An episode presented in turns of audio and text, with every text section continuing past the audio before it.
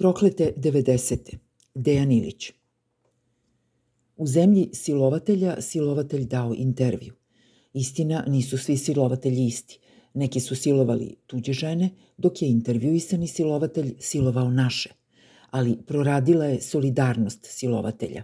Oni što su silovali tuđe žene, ustali su da zaštite ovog što je silovao naše.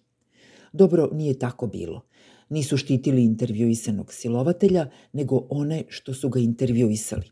Samo što razlika i nije neka, jer oni što su ga intervjuisali i intervju potom na poslovična sva zvona objavili, praktično su saučesnici u silovanju, dakle i sami silovatelji, naših ili tuđih žena, sada to postaje svejedno.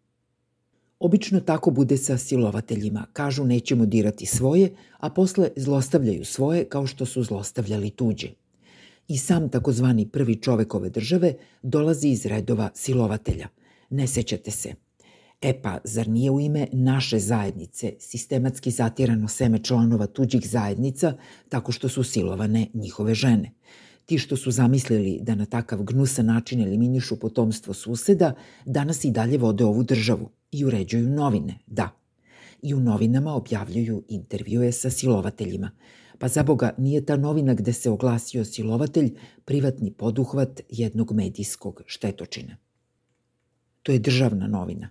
Svojim novcem država stoji iza te novine i plaćaju da se prave intervjui sa silovateljima – ali mršti se čitalac. Intervjuisani silovatelj je praktično odmah uhapšen.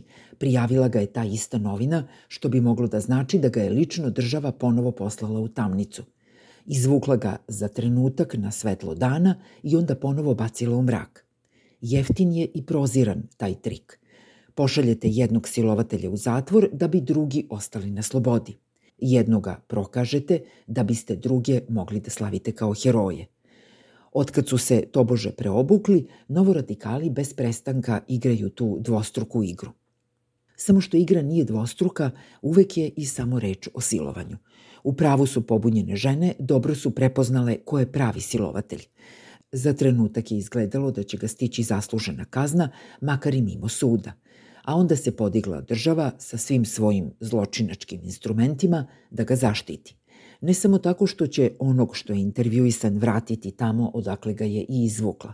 Taj bedni manevar je odmah pročitan. Silovatelj što je recimo to tako uredio intervju, umesto u zatvor stavljen je pod državnu zaštitu. Podiglo se tužilaštvo, podigla se većina u parlamentu.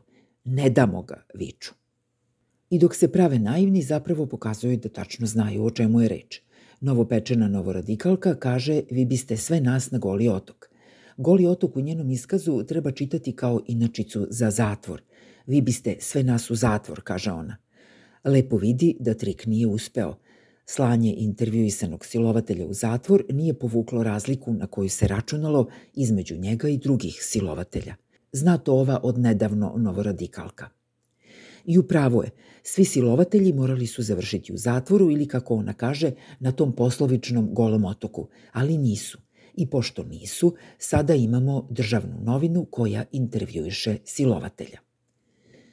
I imamo državni aparat koji štiti saučesnike u silovanju, dakle takođe silovatelje, ali nije to nova pojava. Taj zaštitnički odnos države prema silovateljima ima svoju istoriju i može se pratiti od 90-ih na ovamo. Ali ko bi se sad vraćao u 90. Bilo pa prošlo, tako o 90-ima. Samo što nije prošlo, uporno se vraća i u tom svom nekažnjenom, a kako se decenijama već ovde ispostavlja, i nekažnjivom, silovateljskom obliku. Bilo je očekivano da intervjuisani silovatelj opet završi u zatvoru, ali nije u tome stvar. Naprotiv, stvar je u tome što je jednako tako bilo očekivano i da ostali silovatelji saučesnici, ako baš hoćete, ostanu na slobodi. Tako je to kada se duž okosnice tuđe naše povuče razlika između silovatelja, a dobro znamo da su svi isti.